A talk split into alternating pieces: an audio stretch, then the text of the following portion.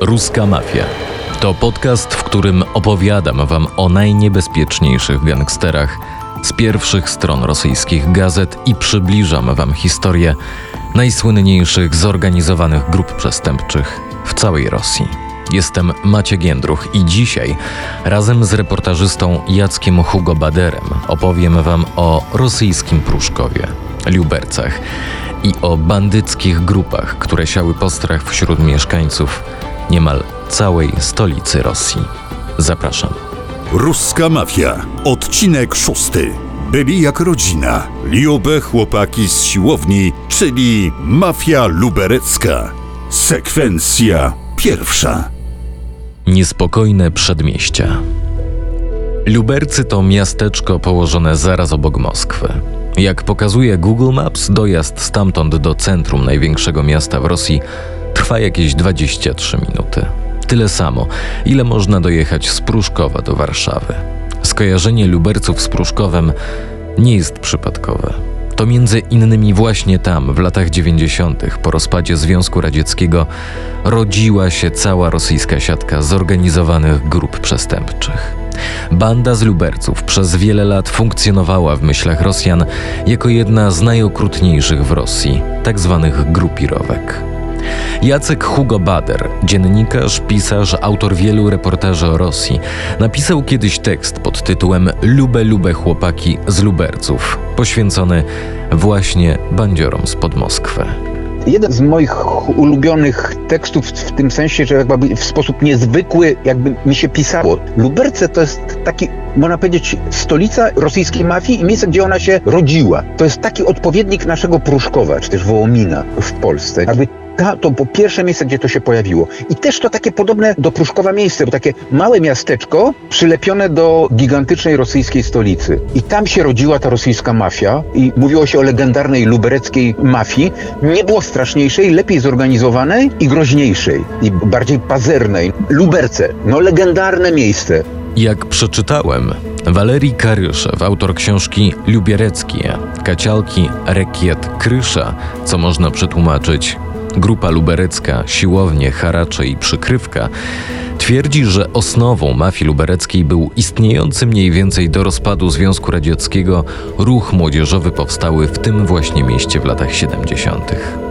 Według informacji, które przeczytałem, można wyróżnić dwa etapy rozwoju tego ruchu, czyli ruchu Luberów.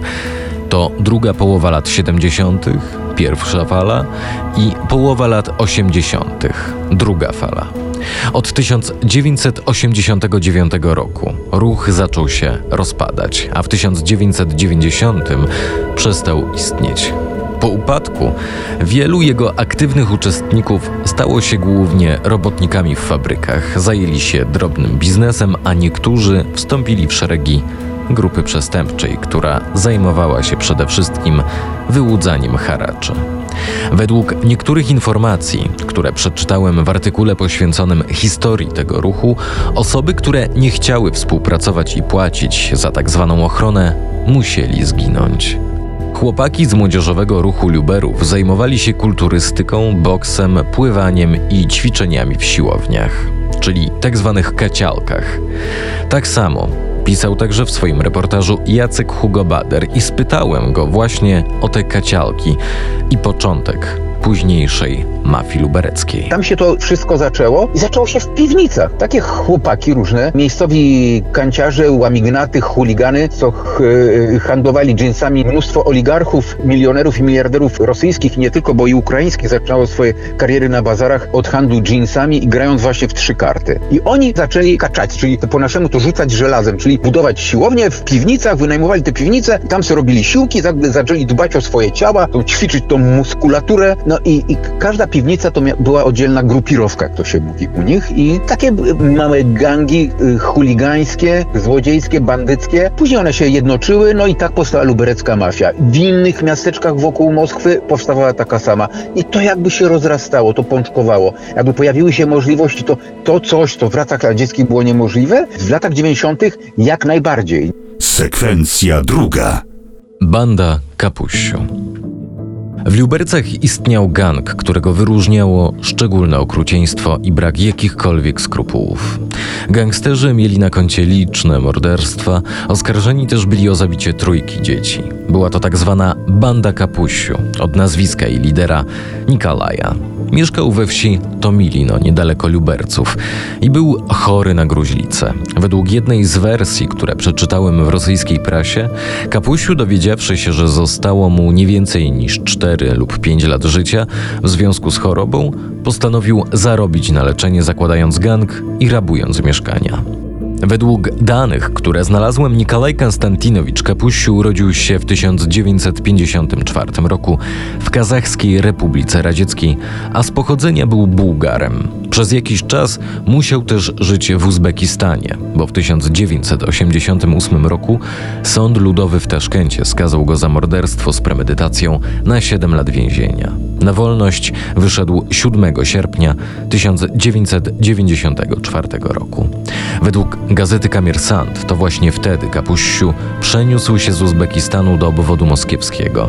Tam, prawdopodobnie w Lubercach, pracując jako kierowca, poznał Siergieja Sirotkę, wcześniej skazanego za rozbój, oraz jego przyjaciela Walerego Wołkowa. Jak przeczytałem w tygodniku kryminalnym Pietrowka 38, który zresztą swoją nazwę zawdzięcza ulicy, przy której mieści się główna dyrekcja Ministerstwa Spraw Wewnętrznych Rosji dla miasta Moskwy, role w gangu Kapuściu były ściśle rozdzielone. Nikolaj, założyciel i lider oraz Sirotko kierowali grupą. Wybierali nowe osoby, szukali obiektów do ataków i planowali bandyckie operacje. Rozdzielali także rolę każdemu z członków gangu. Kapusiu i Sirotko dodatkowo zawozili gangsterów na miejsca zbrodni własnymi samochodami. Bliskim, nazwijmy go asystentem Nikolaja Kapusiu był też Wadim Zobow, alkoholik, który zajmował się grzebaniem zwłok ofiar gangu. Później do założonego przez kapusiu gangu dołączyło jeszcze trzech mieszkańców Luberców: Siergiej Tuliakow, a także wielokrotnie skazany Władimir Kuleszow. Początkowo grupa przestępcza kapusiu specjalizowała się w rabunkach na mieszkania i domy prywatne. Uzbrojeni w pistolety bandyci włamywali się, zakuwali ofiary w kajdanki i zabierali wszystko, co wartościowe. Nie zawsze byli tak łagodni i mieli różne metody działania. Według artykułu o historii bandy, który przeczytałem, w czerwcu 1995 roku znajoma Walerego Wołkowa zaprowadziła bandytów do mieszkania swojego byłego męża, który handlował towarami przewożonymi z Turcji do Rosji. W mieszkaniu złodzieje znaleźli m.in. 7 tysięcy dolarów i 140 milionów rubli. Bandyci zmasakrowali swoją ofiarę, bijąc ją prawdopodobnie kijami baseballowymi, ale pozostawili ją przy życiu. Gazeta Kamersant opisywała, że w maju 1996 roku w gangu doszło do spięć. Na oczach pozostałych gangsterów Walery Wołkow postrzelił sirotkę, który przypomnę obok kapusiu kierował gangiem.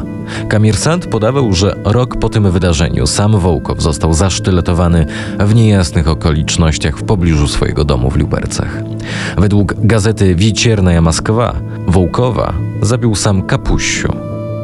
Gang stał się jeszcze bardziej brutalny w swoich działaniach, kiedy w 1997 roku dołączył do niego Władimir Nikitin, nazywany Wową Maleńkim.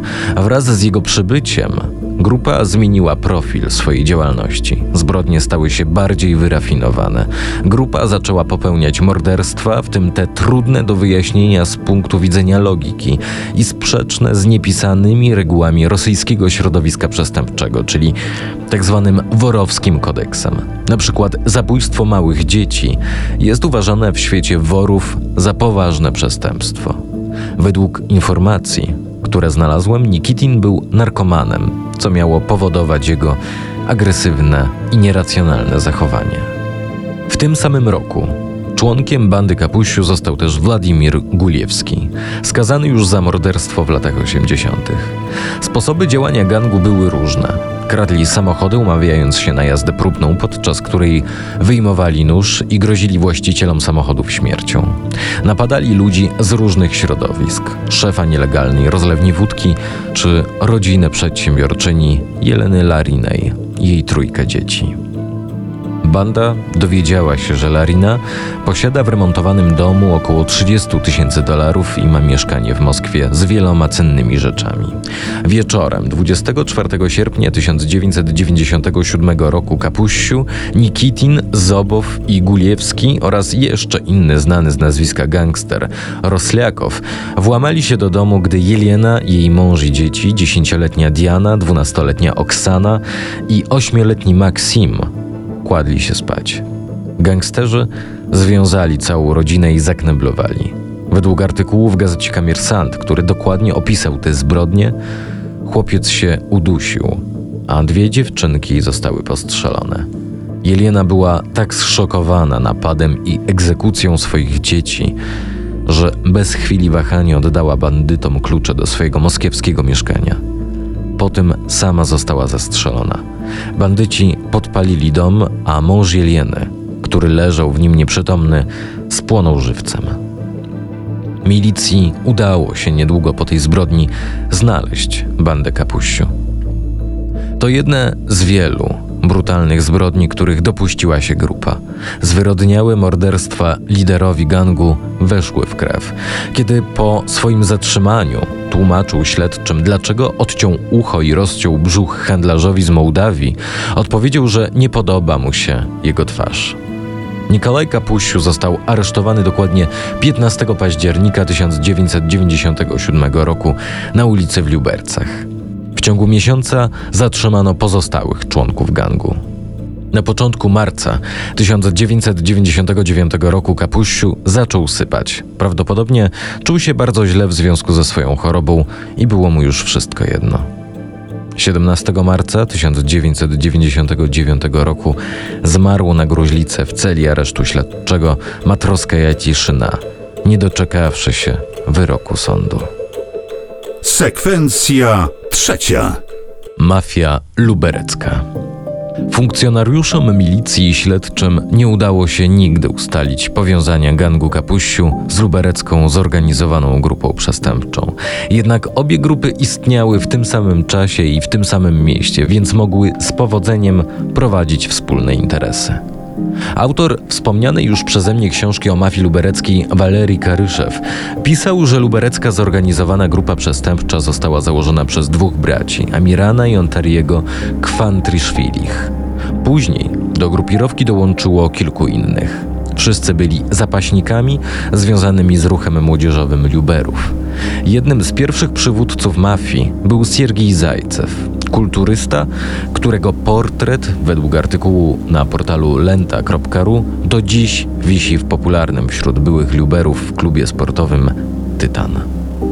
Świetność tej mafii nie trwała długo. Na początku lat 90. rzeczywiście radzili sobie świetnie na rynku gangsterskim. Później jednak wyparły ją inne zorganizowane grupy przestępcze, które inaczej chciały podzielić sferę wpływów w regionie moskiewskim. Mafia, czy to luberecka, czy sącewska, działa inaczej niż zwykła bandycka banda jak ta Nikolaja Kapuściu. Tak mi powiedział o tym Jacek Hugo Bader. Mafia to nie jest po prostu grupa bandziorów i, i cześć pracy. To jest grupa bandziorów oszczęta, która ma konszachty z polityką i z władzą. W latach radzieckich tego nie było. To się pojawiło dopiero jak upadł Związek Radziecki. W latach 90. zaczęła się wtedy rodzić ta legendarna rosyjska, rosyjska mafia. I działa do dziś. W następnym odcinku. Jeden z najbogatszych Rosjan, Siemion Mogiliewicz, jest uważany za najpotężniejszego szefa rosyjskiej mafii. Powiązany z sącewską, luberecką i innymi zorganizowanymi grupami przestępczymi. To o nim opowiem Wam w kolejnym odcinku ruskiej mafii. Zapraszam.